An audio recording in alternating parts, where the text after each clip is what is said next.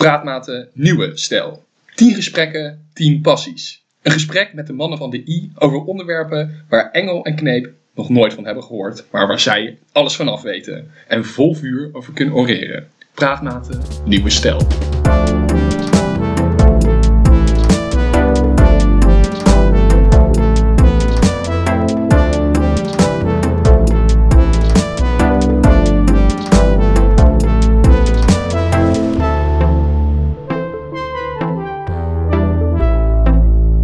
Praatmaten Nieuwe Stijl. Welkom bij het tweede gesprek, de Taiga's van Cheert. Het moest een treinreis worden om nooit te vergeten. De heiligste allerheiligsten. De pelgrimstocht onder de railsvretende locomotie. Waar Bliksemboy instapte op perron 9 3 kwart, stapte de familie echter al uit op station 0 en een kwart van een kwart. Oftewel, ken je die mop van die familie die op treinreis ging? Ze gingen niet. Nee, ze gingen bijna niet. Lam geslagen door wodka-adem werden ze van hun uitvouwplanken gelicht en de trein uitgebonjourd.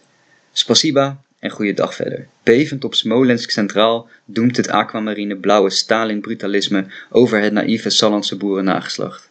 Maar meneer, wat is dit dan? We moeten in Moskou zijn. Een misverstand toch zeker? Da, da? Niet. Schaamteloos Siloviki spierballen stereotyperen en pertinent perverse persiflage propageren. Poetinesk. Pojalusta. Een glunderende gladgeschoren aardappel met de armen over elkaar hangend op een dikke spekpens gevuld met borst, koffie en natuurlijk aardappel. Kijk me aan.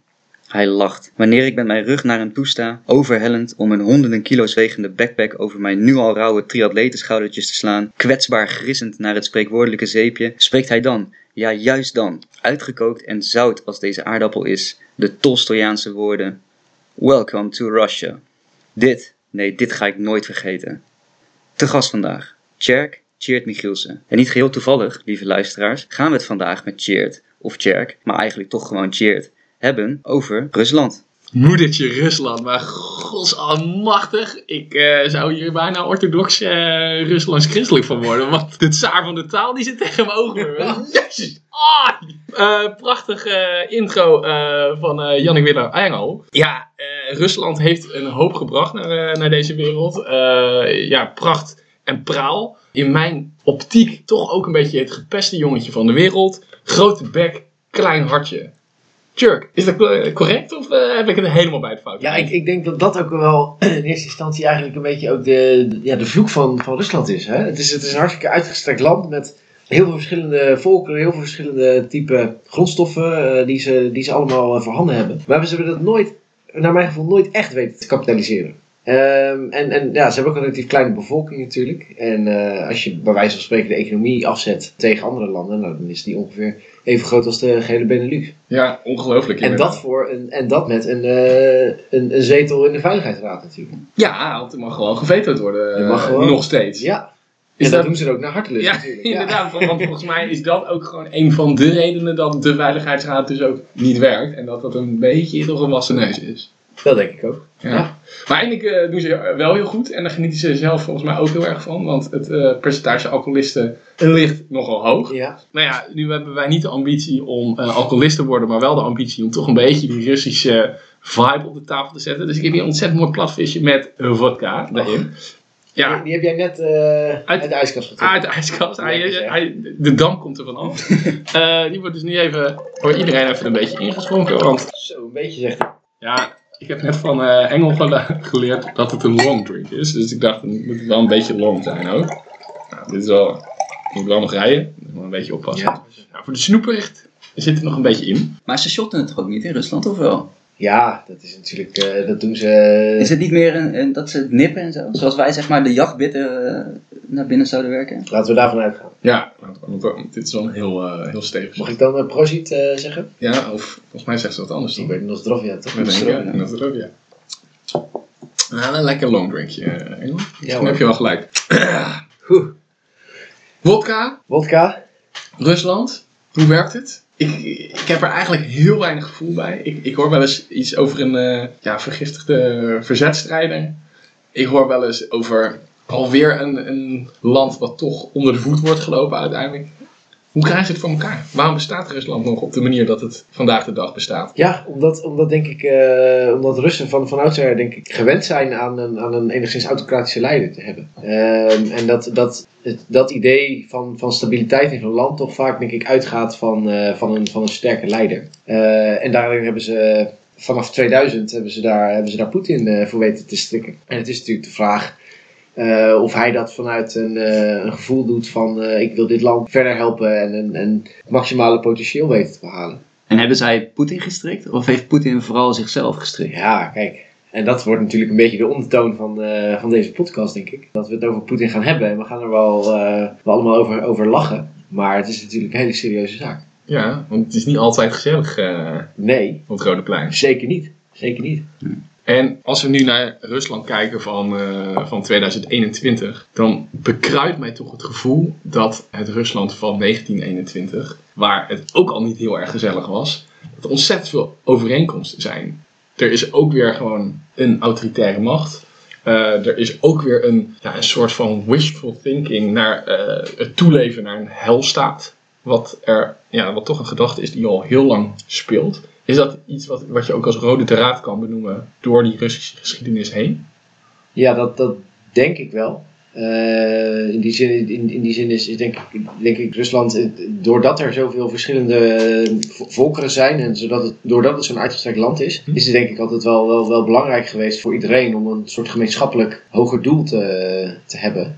En dat was, dat was natuurlijk eerst een, een heel, heel, heel communistisch idee. En wist iedereen, zeker denk ik in de Koude Oorlog bijvoorbeeld, iedereen wist wel dat het eigenlijk niet heel veel soeps was. Hè, dus met, het- met het idee, eh, als, je het, als je het in die tijd vergeleek met Amerika, ja, ook, ook Russen waren, die zijn niet gek. Die weten, weten heus wel dat het eigenlijk niet zo is. Alleen er zijn in Rusland, ehm, en dan, dan, dan ga ik dit even vrij uitleggen hoor, Eh, Mhm. maar er zijn eigenlijk twee verschillende vormen van, van waarheid eh, in hun taal.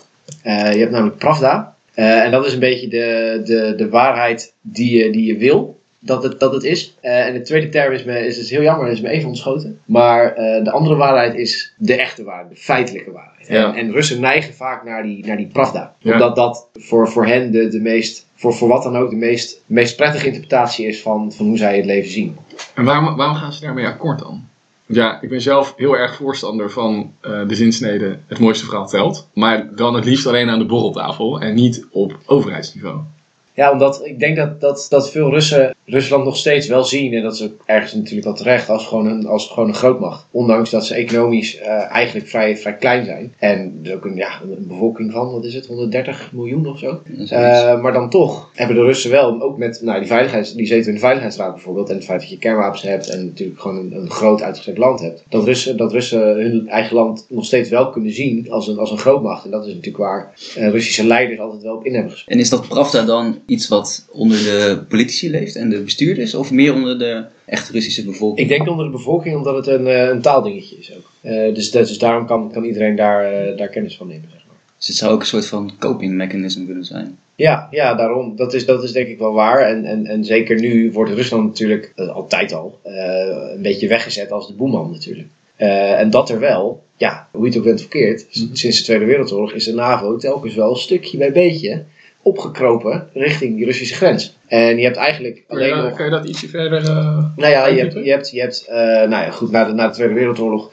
eh, ontstond natuurlijk de NAVO. En op een gegeven moment na het, eh, na het ineenvallen van, het, van de Sovjet-Unie Ja. in, eh in 89. Nee, dat is niet waar, in 93. Sindsdien is, is natuurlijk bijvoorbeeld een land als Polen eh, is bijvoorbeeld bij de NAVO gekomen. En het had niet veel gescheeld of Oekraïne eh, tekende een associatieverdrag met eh, de Europese Unie. Hetzelfde iets zag je in, in Georgië, waar, ze, waar in 2008 in Zuid-Ossetië oorlog is geweest. Mhm. Dat zijn vaak momenten geweest waarop Poetin enerzijds kon zeggen van hier is een rode lijn.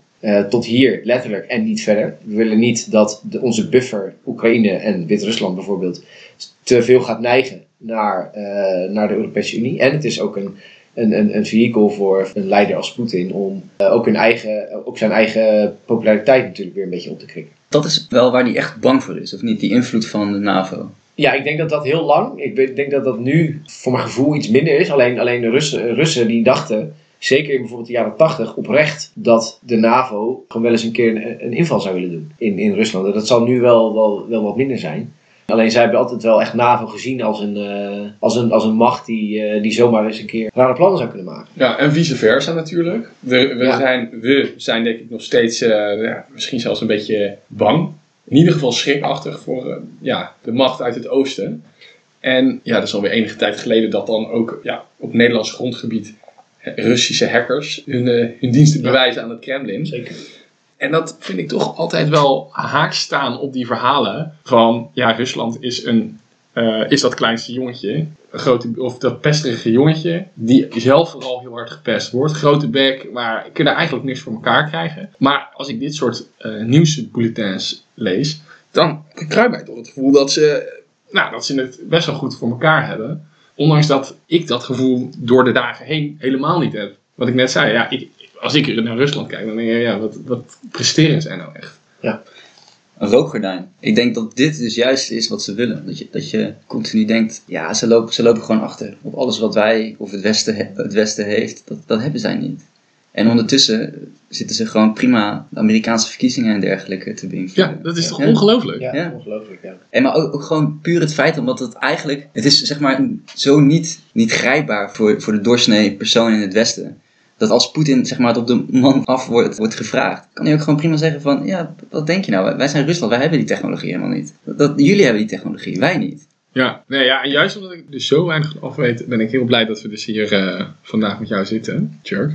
En eh, zijn naam is al een paar keer gevallen. Het Rusland van vandaag lijkt in ieder geval voor de buitenwacht te, te spelen wat Poetin hen opdraagt. Is dat zo?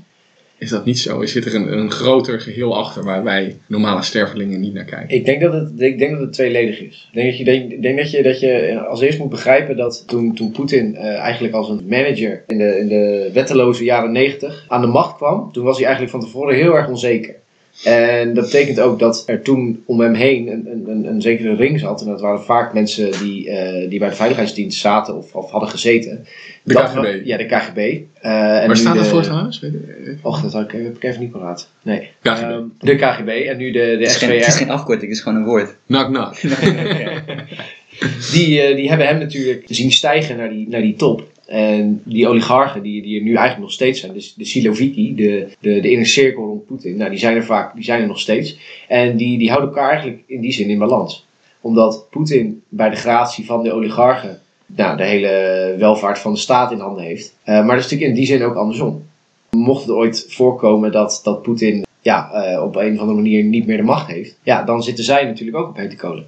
De Siloviki of de ja, de Siloviki, dus de, oligarchen? daaromheen, zeg maar. Is dat een, eh, zijn dat dezelfde personen, de Siloviki en de oligarchen? Ja, min of meer wel. Oké. Ja, ja je hebt bijvoorbeeld, nou goed, met uitzondering van bijvoorbeeld een, een, een Medvedev, die, eh, die op een gegeven moment eh, nou, de- op de winkel heeft gepast tussen 2008 en 2012.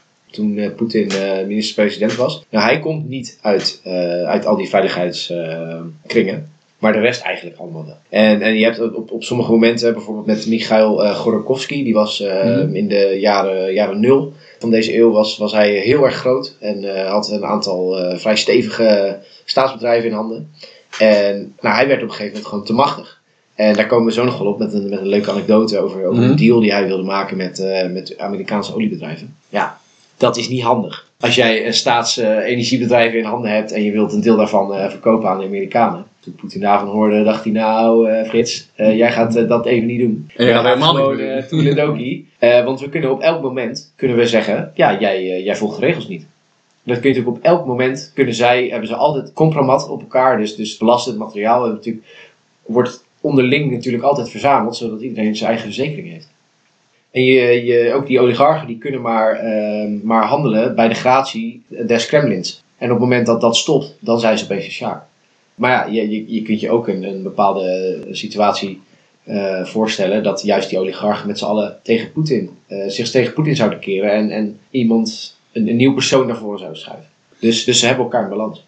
Ja, is het echt balans? Ik denk eigenlijk sinds, sinds Godorkovsky dat het dus niet meer in balans is en dat Poetin het nu eigenlijk voor het zeggen heeft. Ja. Als- zoals ik het begreep, Poetin was local burgemeester van Sint-Petersburg. Ja. Toen heeft hij eigenlijk alle competitie voor die oligarchen heeft hij weggehaald. En die oligarchen dachten, fantastisch, dit mannetje moeten we hebben. Hij, hij doet alles wat wij, wat wij willen. En wij kunnen ondertussen alle staatsbedrijven kunnen wij opkopen. We hebben, we hebben alle rijkdom van eh, Rusland hebben we vast. En toen werd Poetin president. En volgens mij is er toen iets van naïviteit of zo bij die oligarchen naar binnen geslopen. En dacht Poetin staat aan onze kant. En toen dacht Poetin ineens van, en nu ga ik het omdraaien. En vanaf nu doen zij wat ik zeg. Ja, ik denk dat dat, eh, dat deels zeker klopt. Eh, al is er wel een verschil. Je had op een gegeven moment een kring rond eh, Boris Yeltsin. Eh, dat werd ook de, de, family, werd dat genoemd. Eh, dus daar moet je eigenlijk voor het, voor het gemak je, je, je een soort Trump bij voorstellen eigenlijk. Eh, die ook zijn eigen familieleden en eh, een aantal mensen om zich heen heeft die, nou, die in ieder geval bij Yeltsin de family werd genoemd. En die mensen, die zijn er, eh, die zijn er zachtjes aan telkens een beetje uitgewerkt door Poetin en de zijnen. eh, omdat de zijnen vaak eh, uit veiligheidskringen kwamen. Eh, dus die hebben eigenlijk een soort van de macht een beetje weer, weer, weer terug naar zich toe getrokken op het moment dat, dat Poetin president werd. En die hebben daar best een tijd natuurlijk ook op wel op, op voorgesorteerd. Daarbij moet je ook bedenken dat op, een, eh, op het moment dat, dat eigenlijk de Sovjet-Unie uit elkaar viel, krijg je eigenlijk een heel tijdperk van, van een zekere wetteloosheid in, Rusland. Hè, er was geen kapitalisme, maar er was ook geen communisme. Het was echt every, everyone for himself. Alleen wat wel zo was, is dat de KGB ook toen al, en zeker nog daarvoor, heel veel geld had wat, wat buiten Rusland gestald was. En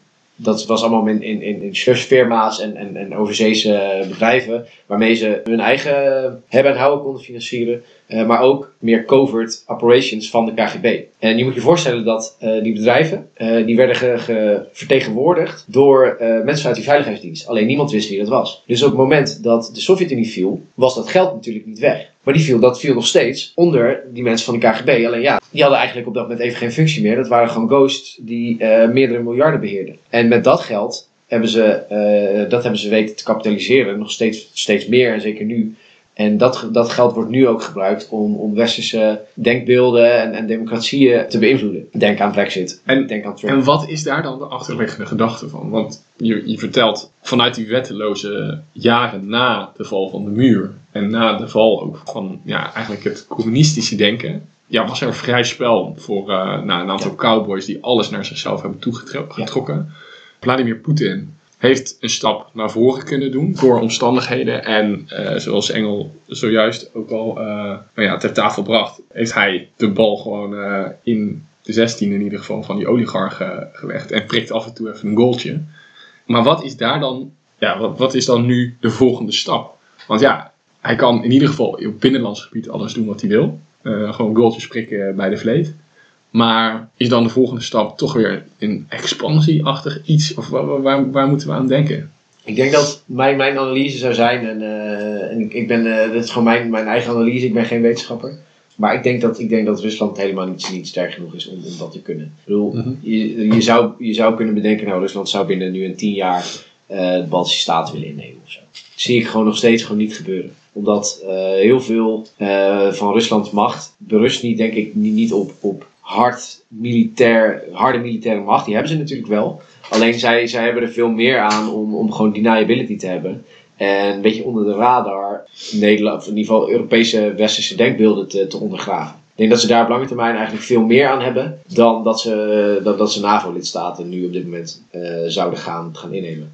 Al wat je, wat je wel ziet, eh, is dat natuurlijk, kijk maar naar, naar de plekken waar de afgelopen jaren Rusland actief is geweest eh, in hun eigen omgeving. Nou, dat zijn Georgië, Oekraïne, de Krim. Het zijn natuurlijk wel st- strategische expansies, maar ik heb niet het idee dat ze ooit, eh bij wijze van spreken, Oekraïne zouden willen bezetten. Want dan zouden ze een directe grens hebben met de Europese Unie en met de NAVO. eh, Ja. Daar. Dus dat is helemaal, mijn idee is de- dat dat niet in hun, in hun voordeel is per. Ik weet niet. Want ik heb daar toch een heel raar gevoel bij. Ik, ik weet nog dat ik denk dat dat 10, eh, 15 jaar geleden is. Dat ik kennis maakte met de kolonisten van Catan. En toen heb ik een paar keer ontzettend hard verloren. Omdat ik elke keer tegen eh, een andere tegenspeler ging spelen. In plaats van voor mezelf. Ja. En ja, voor mij was dat gewoon wel echt een les. Nou, ik zou wel zeggen een levensles. Van je moet altijd voor jezelf werken. En als voor jezelf werken ook andere mensen helpen is, moet je dat gewoon doen.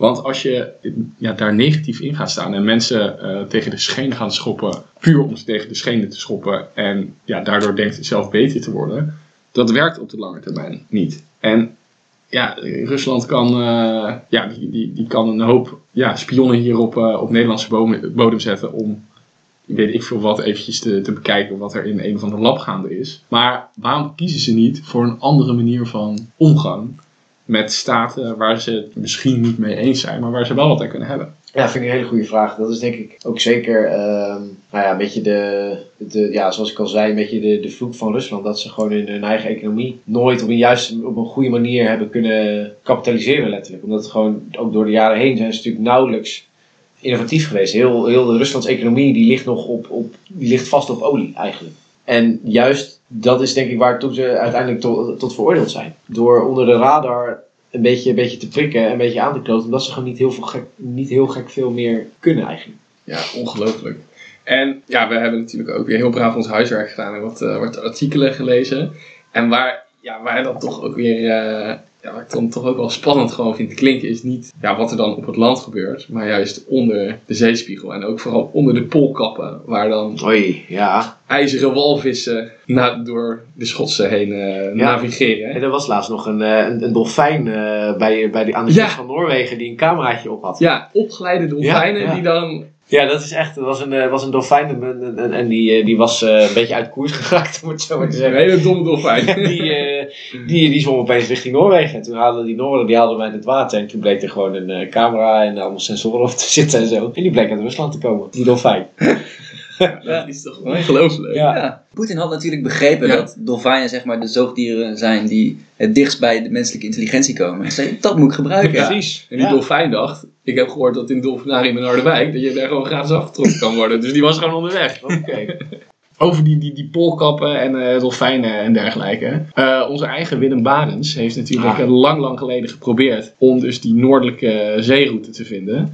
Eh, nou ja, en zeker als eh, er fritsies zijn die niet eens een boot door het Suezkanaal kunnen sturen en eh, een, dam in de weg leggen, dan kan ik me zo voorstellen dat zo'n noordelijke poolroute best wel goed van dienst kan zijn. Zeker, sterker Voor nog. het Rusland. De afstand tussen Shanghai en Rotterdam kun je met een derde inkorten. Kijk aan. Als je bovenlangs gaat. Als je bovenlangs gaat. En eh, nu heb ik van eh, die oranje president dan eh, in Washington, hij zit er niet meer. Nee. Maar die, eh, die was altijd hoog van de toren aan het blazen van ja, klimaatverandering, hartstikke lekker. Want ik hou van lekker warm weer. Ja. En ik kan me voorstellen dat vriend Poetin dat ook wel Nou, in, lekker eh, vindt. in Rusland kunnen ze daar niet genoeg van hebben, van het Nee. warme weer, zeg maar. Eh, Nee, zeker want- in de poolkappen, ja. Ja. Ja, in het, in het Noord, eh, Noordpoolgebied, ja, dat is eh, met, door de jaren heen is dat, is dat steeds ijsvrijer geworden. En je hebt volgens mij nu al, heb je gewoon een, een periode in het jaar waarop je daar gewoon doorheen kan varen. En eh, nou, als je die, eigenlijk, dat is best wel grappig, want je ziet die, die pool, die, hoe die landen daaromheen liggen, dat zie je eigenlijk nooit op elkaar. Dat het helemaal niet relevant is. Je ziet nooit hoe die, hoe die kustlijnen liggen. En dat, dat wordt nu steeds relevanter, omdat je dus nou, Noorwegen, Rusland, eh, Canada en de VS met, met Alaska.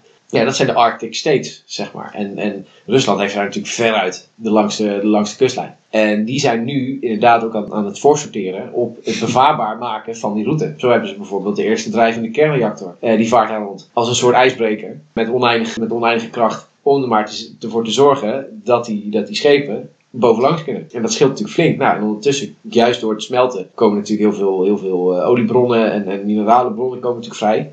En er is een kans voor Poetin om daar eh, eens even stevig te gaan ontwikkelen. natuurlijk. Ja, maar is dit dan de brug naar de toekomst voor Rusland? Ja, ik- mijn indruk is wel dat, dat Rusland het smelten van die poolkappen wel echt als de uitdaging, maar ook de kans van, van de 21ste eeuw ziet. Eh, omdat dat gewoon, het legt gewoon heel veel grondstoffen vrij. Het geeft Rusland de kans om een dominant, de dominant shipping state te worden in die, in die regio. En nou, dat, dat zal dus betekenen dat ze enerzijds moeten ze, moeten ze infrastructuur aanleggen. Eh, ze moeten hun economisch moeten ze natuurlijk daar gaan ontwikkelen. Want ja, niemand wil er zijn. En je ziet ook nu dat, dat er eh, nou, mensen die die infrastructuur aanleggen, die komen vanuit het, het, westen, het westelijke kant van Rusland, zeg maar. Dus rond, eh rond Sint-Petersburg, Moskou, die worden gewoon ingevlogen. Verdienen knijten veel. Even kort. Ja. En dan gaan ze weer weg. Terwijl in die regio op zichzelf, ja, daar Gebeurt wordt, het alleen maar duurder van natuurlijk. Ja. In- in- ja, zie maar eens de tomaat daar te krijgen. En ze zijn natuurlijk heel erg, en, ze zijn, en ze zijn militair natuurlijk heel erg daar zich aan het ontwikkelen. En, en dat zijn eigenlijk drie dingen. Ze zijn militair bezig, ze zijn economisch bezig en ze willen infrastructuur aanleggen, eh, anticiperend op meer activiteit daar. En, en ik zou eigenlijk zeggen van volgens mij kun je veel beter niet alle drie doen. Volgens mij kun je veel beter eerst zorgen dat je die infrastructuur en de economie op orde hebt en dan pas in gaan zetten op je, op je militairen. Dat is veel minder zichtbaar, zeg maar. Voor, ook voor, Mhm. bijvoorbeeld ook Poetin heeft af en toe een, succes, een, een succesje nodig. Dus als jij met een, met een groots programma, bij wijze van spreken, allemaal steden daar, zoals Moermansk en Pevek en er zijn er nog veel meer, die gaat ontwikkelen en je zorgt dat je die infrastructuur op orde hebt, dan ben je eigenlijk al impliciet bezig met je, met je, met je strategie Ja. en met je invloed uit, uit te breiden. En nu proberen ze zich eigenlijk op alle drie te focussen. Terwijl er gewoon verouderde onderzeeërs daar rond- rondvaren. En ja, er was er laatst was er ook eentje, was er eentje voor de kust van Noorwegen in de fik gevlogen. Eh, maar ja, dat is natuurlijk voor Poetin worst case scenario. Want je moet je voorstellen, een, verouderde, eh, verouderde onderzeeër voor de kust van Noorwegen, die daar helemaal niet mag zijn, die vliegt in de fik. Eh, omdat het verouderd is, omdat hij, nou goed, er is iets misgegaan. Dus dat wordt Alles direct onder de tapijt geschoven. Want zij kunnen niet aan Noorwegen gaan van, "Yo, ja, we, hebben een, eh, we zijn een uh, onderzeeër kwijt, kunnen jullie even komen helpen?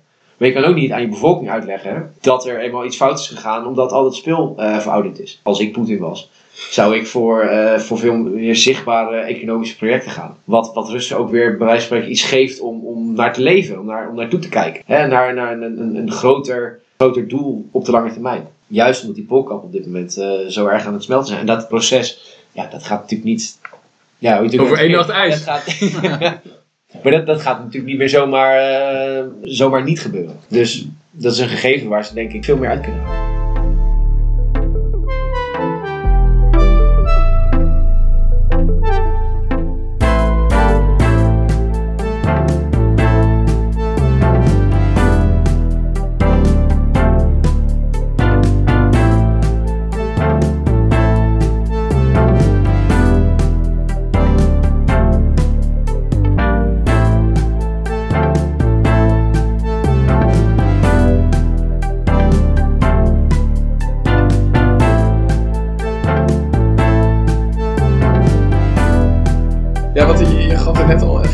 Voorzetje eh, daarover. Ik ben heel even de naam kwijt. Maar over die, eh, die hele gekke geikie die gewoon... Oh ja, met die oliebronnen. Oh ja, ja. die ja. dus graag een deal wilde maken met nou ja, de vrienden aan de overkant eh, van de plas voor ons. De Amerikanen. Maar dat werd niet goedgekeurd. Dat werd de er niet goedgekeurd. Nee, nee je had, je had eh, Michael eh, Godo- Godorkovsky. En dat is Ja. een... eh, Ik dat, vind sowieso dat al deze gasten, die hebben gewoon, gewoon artiestennaam. Ja, geweldig. Oh, dit, dit zou, iedere naam zou gewoon echt zo'n hele zieke club kunnen zijn waar iedereen dan helemaal lijp gaat. ja, Want hoe heet deze? ja, en dit is Godorkovsky. Daar ga je al. Ja, en hij is, hij is beste tijd is hij de, de, de, de rijkste Rus op aarde geweest. Dat staat in het, in het boek, dat kan ik iedereen aanraden. Eh, how the KGB took back Russia and then took on the West. Hij krijgt vijf sterren op de, op de, op- bij de NRC. En daar staat eigenlijk heel minutieus, echt heel goed beschreven hoe KGB took back Russia and then took on the West. Omdat ze dat geld dus persoonlijk allemaal vertegenwoordigden. Nou, en op een gegeven moment, Godorkovsky was in de jaren nul, was hij een van de rijkste, een, een van de rijkste Russen. En die had op een gegeven moment eh, een van de, van, van de grotere eh, energiebedrijven. Uh, Yukos en, en Sipneft. Daar gaat die rechtszaak over. Yukos. Ja, Dat wordt in Nederland uitgevochten, hè? weet je wel? nog steeds. Ja. Dat ben je. Ja. Ja, dat is zeker een mooi spel. Maar vertel. Maar die had dus, eh, die had dus plannen gemaakt eh, met ExxonMobil en met, eh, met Ja. Chevron om een soort aandelenswap te doen. Bleek het, dat dacht Poetin ook, zeg maar. En Godorkovsky dacht, nou dan koop ik een, eh, een, een, een stuk eh, aandelen van, eh, van Exxon. Ja. En Exxon die koopt spullen van ons. En dan krijgen we een mooie verhouding en hebben we een soort energiebrug tussen Rusland en de VS. Het zou geweldig zijn. Dus Lee Raymond, de CEO van ExxonMobil, die kwam lekker met zijn privéjet naar Moskou. En die denkt, nou ik ga eens even lekker tekenen. Je gaat even lekker En kleuren. Poetin die wordt wakker. En die hoort van, hé, hey, wat is dit? Wat gaat er gebeuren? Het, gaat, eh, het, was dus geen, eh, het was dus kennelijk niet dat ze elkaar in balans een, een bepaald percentage zouden kopen. Nee, Exxon, het grootste oliebedrijf uit de Verenigde Staten, zou gewoon even ongeveer de helft van Yukos gaan kopen. De kroonjuwelen van Rusland, zeg maar. En toen dacht Poetin, nou Frits, dat gaan we niet doen. En eh, Lee Raymond die zat dus in het vliegtuig naar Moskou. En op die ochtend waren, waren er even, even snel een inval in ongeveer 120 panden. Eh, van, van Yukos. Om even aan Lee Raymond duidelijk te maken, dat gaan wij niet doen. dat gaan wij zeker niet doen. Wij gaan niet onze kroonjuwelen aan jullie, eh, aan jullie verkopen. En uh, die ging ermee door. Ja, Die dacht, Kremlin wil in, het, in die open niet zo ver gaan dat ze mij hiervoor naar de gevangenis sturen. En als het gebeurt, dan zal de VS mij wel even redden. Dat gebeurde zo, niet. Zo ging het niet. Zo ging het niet. Nee, nee Godakowski die, eh, die is natuurlijk, eh, nou die, eh, die is uiteindelijk gewoon wel naar de Gulag gegaan natuurlijk, want hij werd te machtig. Ja. En je kunt zoiets natuurlijk, zo'n deal kun je natuurlijk altijd uitleggen als een zekere, ja, jij wilt onze kroonjuwelen voor een, een spotprijs aan de, Ja. Russen, aan de Amerikanen verkopen. Dat kun je natuurlijk altijd uitleggen als verraad. Nou, dat hebben ze ook gedaan. En die heeft daar op een gegeven moment best een tijd voor in, de, in de Gulag gezeten. Zo, Bits. Wat ontzettend bits. En die gulag, wat, wat, wat is dat nou precies? Ja, de Gulag, ja, dat was natuurlijk vroeger waar, was dat van, eh, van Stalin. Dan werd dat gebruikt om, om spoorlijnen aan te leggen in, eh, Siberië. Dat was hard werken. En ik denk dat dat nu, ja, die kampen die bestaan nog steeds min of meer. Ook waar natuurlijk nu eh, Navalny in zit. Ja, da- daar, daar leven ze gewoon nog, daar, daar wonen ze in barakken. En moeten ze gewoon werken. En word je gewoon mentaal gewoon helemaal kapot gemaakt. En dat, ja, ik weet niet of, kijk, weet je, ik zal hier niet zeggen dat eh, die Gulag-kampen van Stalin er nog steeds zijn. Dat is ook weer niet, eh, ook weer niet het geval, denk ik. Alleen, ja, die gebouwen die staan er nog wel. eh. Zou Poetin stiekem ook gewoon een beetje dat, nou, die, die paranoia waar, waar Stalin, zeker in, in die laatste jaren, zo bekend om stond, zou Poetin dat ook niet gewoon een beetje hebben? Ja, dat vind ik nou misschien wel. En dat vind ik ergens ook nog wel begrijpelijk. Als je kijkt naar de manier waarop het Westen natuurlijk Ru- Rusland stevast neerzet als. Als een, als een agressor en als een pestkop. Ik, ik begrijp best vanuit de Koude Oorlog dat, dat Rusland daar... Ja, dat ze gewoon niet anders konden dan, dan de boeman spelen. Waarom ze niet mee zouden zijn gegaan met democratisering of wat... Ja, dat heb ik eigenlijk geen antwoord op. Dat weet ik niet. Poetin was zelf spion bij de KGB, toch? Klopt. En vanuit daar is hij de politiek in gegaan? Eh, ja, in de jaren 70 was hij, eh, was gestationeerd in Dresden. Sprak heel goed Duits. En wat je eigenlijk nu veel in, in, in boeken eh, is dat hij daar eigenlijk een redelijk teruggetrokken bestaan had. En hij werkte wel bij de KGB, maar was eigenlijk een beetje een rapport aan het tikken op, op een buitenplaatsje, dus in Dresden. Eh, terwijl dat in, een, in het laatste boek wat ik, wat ik nu heb gelezen, wat eigenlijk blijkt, is dat hij eigenlijk helemaal niet zo'n low-profile gast was, maar dat hij eigenlijk sleeper agents ehm, en dat soort spionnen, dat hij, die, dat hij daar de handler van was. Eh, hij was bijvoorbeeld ook sterk betrokken bij eh, bijvoorbeeld spionage bij bedrijven als, als in West-Duitsland, als Siemens of, of Bayer of, eh of Krupp of zelf Krupp. Dus dat, dat lijkt eigenlijk veel, veel, veel heftiger dan, dan men vaak denkt. En inderdaad, na de, na de val van de oorlog is hij, is hij naar, naar Sint-Petersburg gegaan. Heeft hij op een gegeven moment een baantje ergens bij het gemeentehuis of zo gekregen. En toen was hij op een gegeven moment was hij, was hij vrij snel was hij, was hij loco-burgemeester.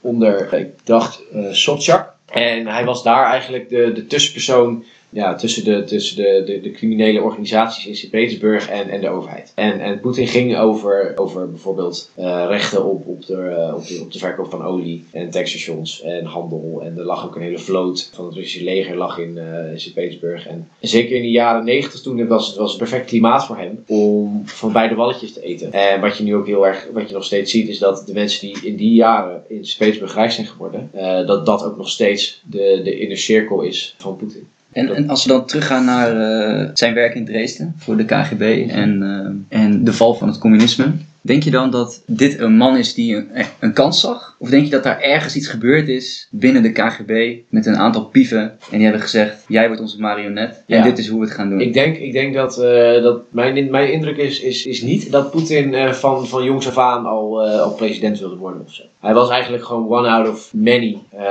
in de jaren negentig. En ik denk dat laatste wat je zegt, dat er op een gegeven moment gewoon op een bepaalde manier de omstandigheden zo waren dat er mensen achter Poetin hem min of meer naar voren hebben geschoven. Hij was ook, zeker in het begin, in de eerste jaren, was hij, was hij hartstikke En dan is het, dan is het denk ik toch, heeft hij denk ik de, de, de positie van nou, het, het, zijn van de president van Rusland zo om weten te zetten, dat hij eigenlijk met een zekere bluff iedereen, iedereen wel in lijn wist te houden. Moet je je voorstellen dat hij, dat hij eh, bij wijze van spreken in het, in het, in het Kremlin eh, tien rijkste Russen eh, ontving of zo. En dat hij daar eigenlijk van tevoren hartstikke zenuwachtig voor was.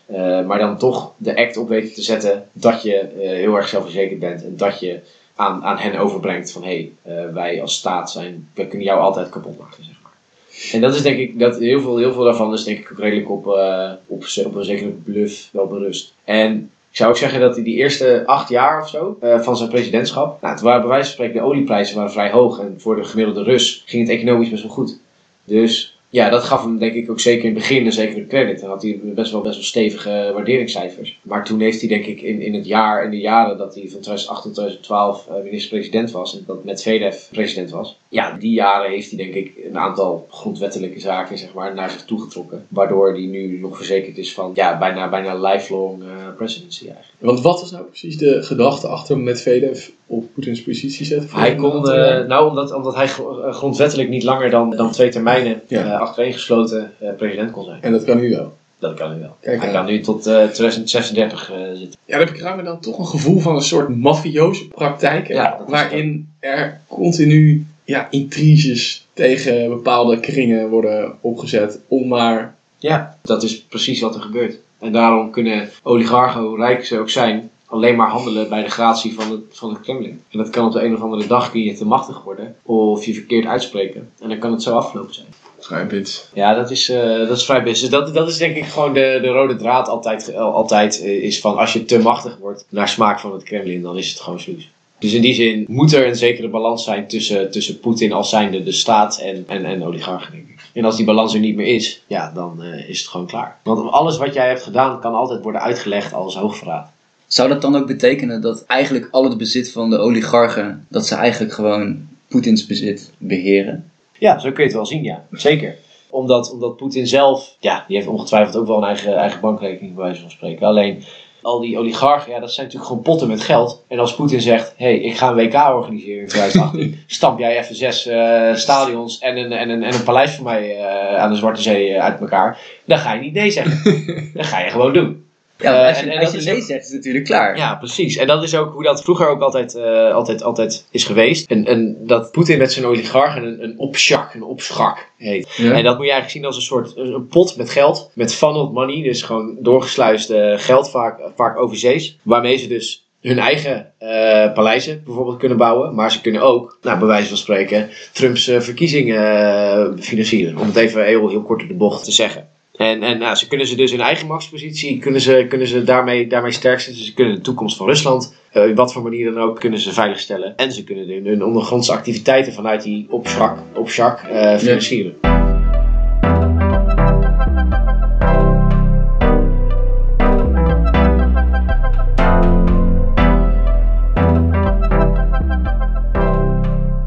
Spionnen? Goed idee. Je vertelde eerder al dat Poetin nou ja, zijn strepen heeft verdiend bij de ja, beroemde en beruchte KGB. Ja, klopt. Hij was er niet de enige, Zeker niet. maar dit is een heel netwerk van spionnen. Wat, Ja. wat doet een spion überhaupt? In eerste instantie denk ik dat, dat een spion eigenlijk op zichzelf best een saai leven leidt. Eigenlijk. Eh, denk aan James Bond. Daar zit alle actie eh, gepropt in, eh, in anderhalf uur. Terwijl een spion, ja, die moet natuurlijk vooral niet opvallen. En die is niet de hele dag bezig met over daken en marken rennen. Ja. Dat is hij gewoon niet aan het doen. Het is gewoon knijten saai. Dus ik denk, een een spion doet natuurlijk namens, namens een land. Vaak kan dat, kan dat in dienst van het land zijn. Maar het kan natuurlijk ook zijn dat een, iemand anders voor die spion werkt. En dat is het ook vaak, denk ik. Als jij, bij wijze van spreken, eh, in de Koude Oorlog eh, geïnfiltreerd bent in een, in een bedrijf als Siemens of zo. Als Russische spion. Hoef je dat misschien helemaal niet zelf daar te werken. Maar je kan bijvoorbeeld wel, bij wijze van spreken, jouw partner die daar werkt. En dat jij zonder dat jouw partner dat weet, daar profijt van hebt. En dat, dat kan doorspelen naar de staat. Dus ik denk dat er in eerste instantie een, een, een spion helemaal niet zo- niet zo'n lijp leven leidt zoals wij dat in de films en in de, in de boeken kennen. Alleen, er zijn natuurlijk wel van dat soort verhalen. En er zijn eigenlijk, eigenlijk twee, eh, twee, twee korte anekdotes die ik daarover kan vertellen. Ja. Eentje gaat over Poetin zelf. Eh, en de ander dat gaat over een van de hoogste Russen in, het, eh, Britse, in- in de Britse ambassade. Dus de Russische ambassade in Londen.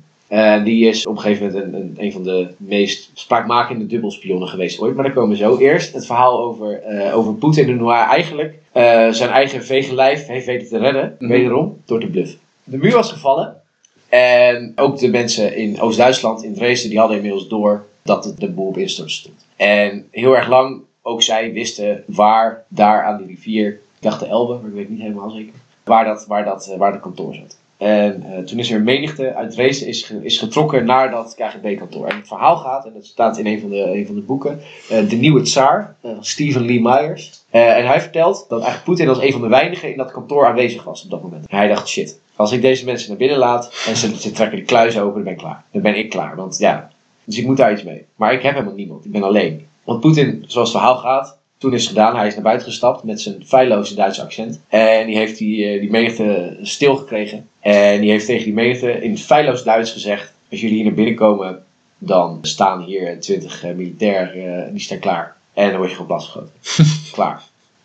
Dus doe het niet. Ik word niet beter van. Jullie ook niet. En die kluizen, ja, die blijven. Die, blijf wel staan. je hebt echt niet de tijd om snijbranders op te zetten. Dat gaat niet werken. We waren helemaal geen militair. Dus hij heeft op een gegeven moment, nou, dat verhaal dus, gaat dus dat hij, eh, dat hij die menigte een soort van stil heeft gekregen en een soort van voor elkaar heeft gekregen om die menigte Naar huis te sturen. naar huis te sturen.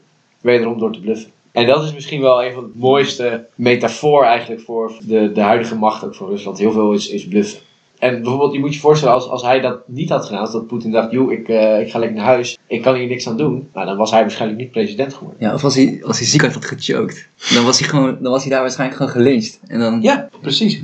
Die kans is vrij groot. Zo hangt het toch allemaal weer aan elkaar van, van, van bluffen. En van, nou ook weer natuurlijk overtuigend een eh, verhaal kunnen vertellen. Alleen, dat maakt wel... we- Poetin is niet per se natuurlijk een heel excentriek, outgoing persoon. Hij heeft meer de, de vibe om zich heen. Van, ik observeer, ik hou mijn Ja. kaart tegen de borst. En ik probeer gewoon de indruk te Mhm. wekken dat ik veel meer dan jij weet. Heel behouden en En heel behoudend. Af en toe is een speldenprikje, maar ik doe gewoon rustig. Maar ondertussen druk ik je wel met, eh, met mijn duim eh, druk ik je wel eh, tussen, de, tussen de stoeptegels.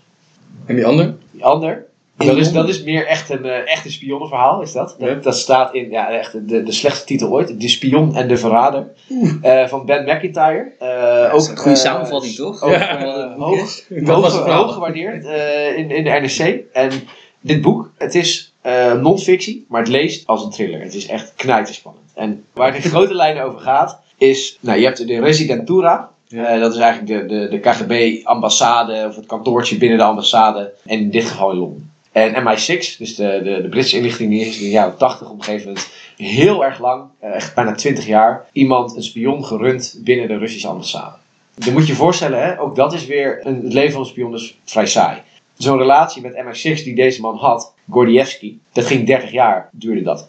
Alleen, er waren ook wel eens momenten dat er gewoon, nou momenten, er waren gewoon ook 16 jaar, was er gewoon, geen contact. En op een gegeven moment weer opeens wel. Want op een gegeven moment gebeurt, nou, die, die, die die maakt redelijk carrière zo binnen de Residentura. En op een gegeven moment dan, eh, dan, dan wordt hij bijna wordt, wordt die, eh, wordt die ambassadeur in Londen. Terwijl hij al bijna 15 jaar of zo, eh, misschien wel langer, eh, gerund werd door MI6 En wat bedoel je met gerund? dat hij gerecruiteerd was door MI6 en daardoor dus waarschijnlijk vanuit een zekere overtuiging. Hij had waarschijnlijk door van hey, die Sovjet-Unie, voor mij is het een wassen neus. En ik woon hier ook in het Westen en ik zie Ja. het verschil. Nou, dat is een beetje zijn overtuiging geweest. De beste man leeft nog. Eh, hij woont in Londen, hoog beveiligd natuurlijk. Eh, maar op een gegeven moment wordt hij eh, gevraagd om ambassadeur te worden. En er is in de dagen daarvoor is er iets gebeurd waardoor hij niet meer helemaal 100% zeker weet of hij nog veilig is. Of de Russen niet weten dat hij een spion is. En nou, wordt dus gevraagd voor die functie en dat wil natuurlijk graag doen. Maar je moet, eh, je moet wel even eerst nog even naar Moskou komen. Ai, ai, ai, Want eh, ja, we moeten nog een paar dingen doorspreken. Crisis in huizen Gordievsky. Wat doe je? Ga je en neem je het risico, ze weten het niet en daardoor echt de ziekste informatiepositie voor de Britten ooit. Of je gaat niet en je verdwijnt. Want ook de Britten hebben natuurlijk met hem een bepaald extraction scenario uitgedacht natuurlijk. Mocht het ooit nodig zijn. Hij is gegaan. En eh, hij is dus naar Moskou gegaan en nou, daar bleek dus Get. Hij was semi-geget. Hij werd zwaar ondervraagd, eh, gedrogeerd, dagen wakker gehouden, et cetera, et cetera. En uiteindelijk, door heel veel omstandigheden, is, eh, zijn ze een soort van achtergekomen. Hebben ze niet kunnen, hard kunnen maken dat hij dat was. En hij heeft dus best een tijd ook nog in Moskou gewoon... Is uiteindelijk niet die ambassadeur geworden, maar hij kon wel een soort van vrij, zich vrij bewegen in Moskou. En eh, op een gegeven moment, na jaren, is hij uiteindelijk, wilde hij toch het land uitkomen. Want het werd hem echt heet onder de voeten. En ze wisten, hij wist, oké, nu ben ik wel echt de Sjaak. En wat, ze, wat hij dus met Britse spionnen in Moskou had afgesproken, is dat op het moment dat ik weg wil, dus op het moment dat ik uit dit land moet, dan ga ik op dit en dit tijdstip, op dit en dit plein, en dat deden ze elke woensdag. Iedere woensdag deden ze, gingen er Britse spionnen kijken of hij daar was, zeg maar. En dan loop ik met een bepaald tasje van een, eh, van een, van een, van een Brits warenhuis, loop ik over dat plein en ik eet bij deze lantaarnpaal eet ik een mars. En dan is het, Dan is het dan aan. is het. Alle hands aan dek. Ja, alleen, je moet je voorstellen dat er dus zes jaar lang, elke woensdag, zo'n moment had kunnen zijn. En nou, het, op een gegeven moment, het gebeurde. En nou goed, hij is eh, met, met verschillende treinen uiteindelijk eh, richting de, de, de Finse grens gegaan. En je moet echt, en er staat ook in het boek, het is echt geweldig, er staan ook kaartjes bij van hier stond hij en hier deze steen en dit soort shit. Eh, en op een gegeven moment, nou, iets van 20 kilometer voor de, voor de, voor de grens met Finland, moest hij eh, achter een bepaalde steen gaan liggen. En daar zou hij dan opgehaald worden door, door Britse diplomaten. Die zich ook voordeden als diplomaten, alleen ja, diplomaat ben je nog niet meteen een geheim agent. En hij ging letterlijk gewoon, hup, de achterbank in. Komen ze aan bij, eh, bij de grens met de Sovjet-Unie, honden. Natuurlijk. Een van die Britse diplomaten, die, eh, die trekt een zak sterk geurende cheese onion chips open. Uit, gekocht uit de, de Britse ambassadewinkel. Dat heb je in Rusland, en zeker in die tijd natuurlijk niet. Maar er waren twee honden. De eerste hond, nou, je chippy. Prima. Maar die andere hond, die loopt naar de achterbank. Een beetje snuffelen, dit en dat. En een van die Britse spionnen, die hadden, die hadden, een, eh, die hadden een baby bij zich. En dat doen, dat deden ze normaal doen ze dat eigenlijk nooit, maar ze hadden een baby bij zich. En alsof Gado het vroeg, scheidt die baby zijn luier vol. Dus die moeder stapt uit, legt dat kind op de kofferbak en gaat dat kind verschonen. En die doet zo nonchalant die poepluier, laat ze vallen op de grond. Waardoor die hond, die tweede hond, dat natuurlijk wel interessant vindt. Maar die vindt het meuren, dus die hond die draait af. En nou, die Britse spion met, met Gordievski in de achterbak op de grens met Finland, die verschoont die baby en die gaat weer zitten en ze mogen doorrijden. En, en dat is misschien wel, het verschonen van een baby is misschien wel, dat is misschien wel de eerste keer dat dat wapen is gebruikt in de Koude Oorlog. Zeg maar. en, en zo heeft hij het dus gered. Is, is dit eh, verfilmd? Eh, dit is niet verfilmd, maar lees het en je ziet het voor je. Je ziet het voor je. Wat een En, en, ze, kwamen, ze, kwamen de grens, ze kwamen de grens over en op een gegeven moment moesten ze ook nog bij de Finse eh, moesten ze eruit. Of moesten ze, moesten ze daar doorheen. Maar ze konden natuurlijk nog steeds niet woordelijk eh, laten weten dat ze over de grens waren. En op een gegeven moment eh, waren ze over de grens en eh, toen, eh, toen draaiden ze over, op de radio draaiden ze Finlandia. En eh, dat was voor hem een teken van, eh, We zijn je bent er Gordy. Je bent er jongen. Oh man. Dat soort grote dingen kunnen wederom door super kleine, intuïtieve handelingen toch, eh, toch gered worden. Wat geweldig. Ja. Chirk, wij zijn er ook. En deze verkenning over de Tigers van Cheert was wat mij betreft echt een geweldige ervaring. Ja, ik heb aan je lippen gehangen.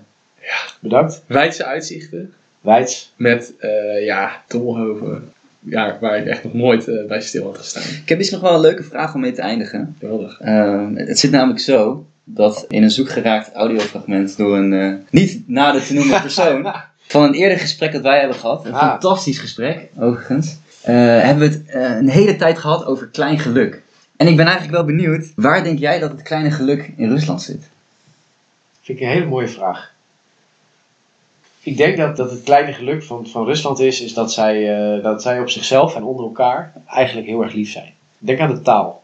Voor ons komt het daar over als natuurlijk een harde en hoekige taal. En zo, zo klinkt het ook, hè? Oostblok. En het is allemaal een beetje verpauperd. Maar eigenlijk is, is, is het Russisch volgens mij best een, best een zachte taal. En gaan ook Russen onderling best wel zacht met elkaar om.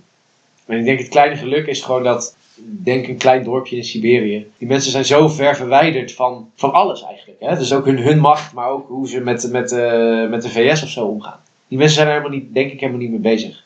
En die willen gewoon met rust gelaten worden. Dus, dus een Rus zal denk ik ook in, in zo'n dorpje, die zal gewoon eh, natuurlijk het zijne denken over Poetin en over machthebbers. Maar die weet, als ik nou gewoon verstandig ben, hou ik daar gewoon mijn mond over. En ik kan gewoon mijn eigen shit een beetje verbouwen. En ik heb mijn dacha. En dat kan echt een, een, een hutje van 2 bij 2 zijn. De Russische versie van brood en spelen. Vodka en een sauna. Verstopt in de taiga. Genoten, Chirk. Dankjewel. Jullie bedankt.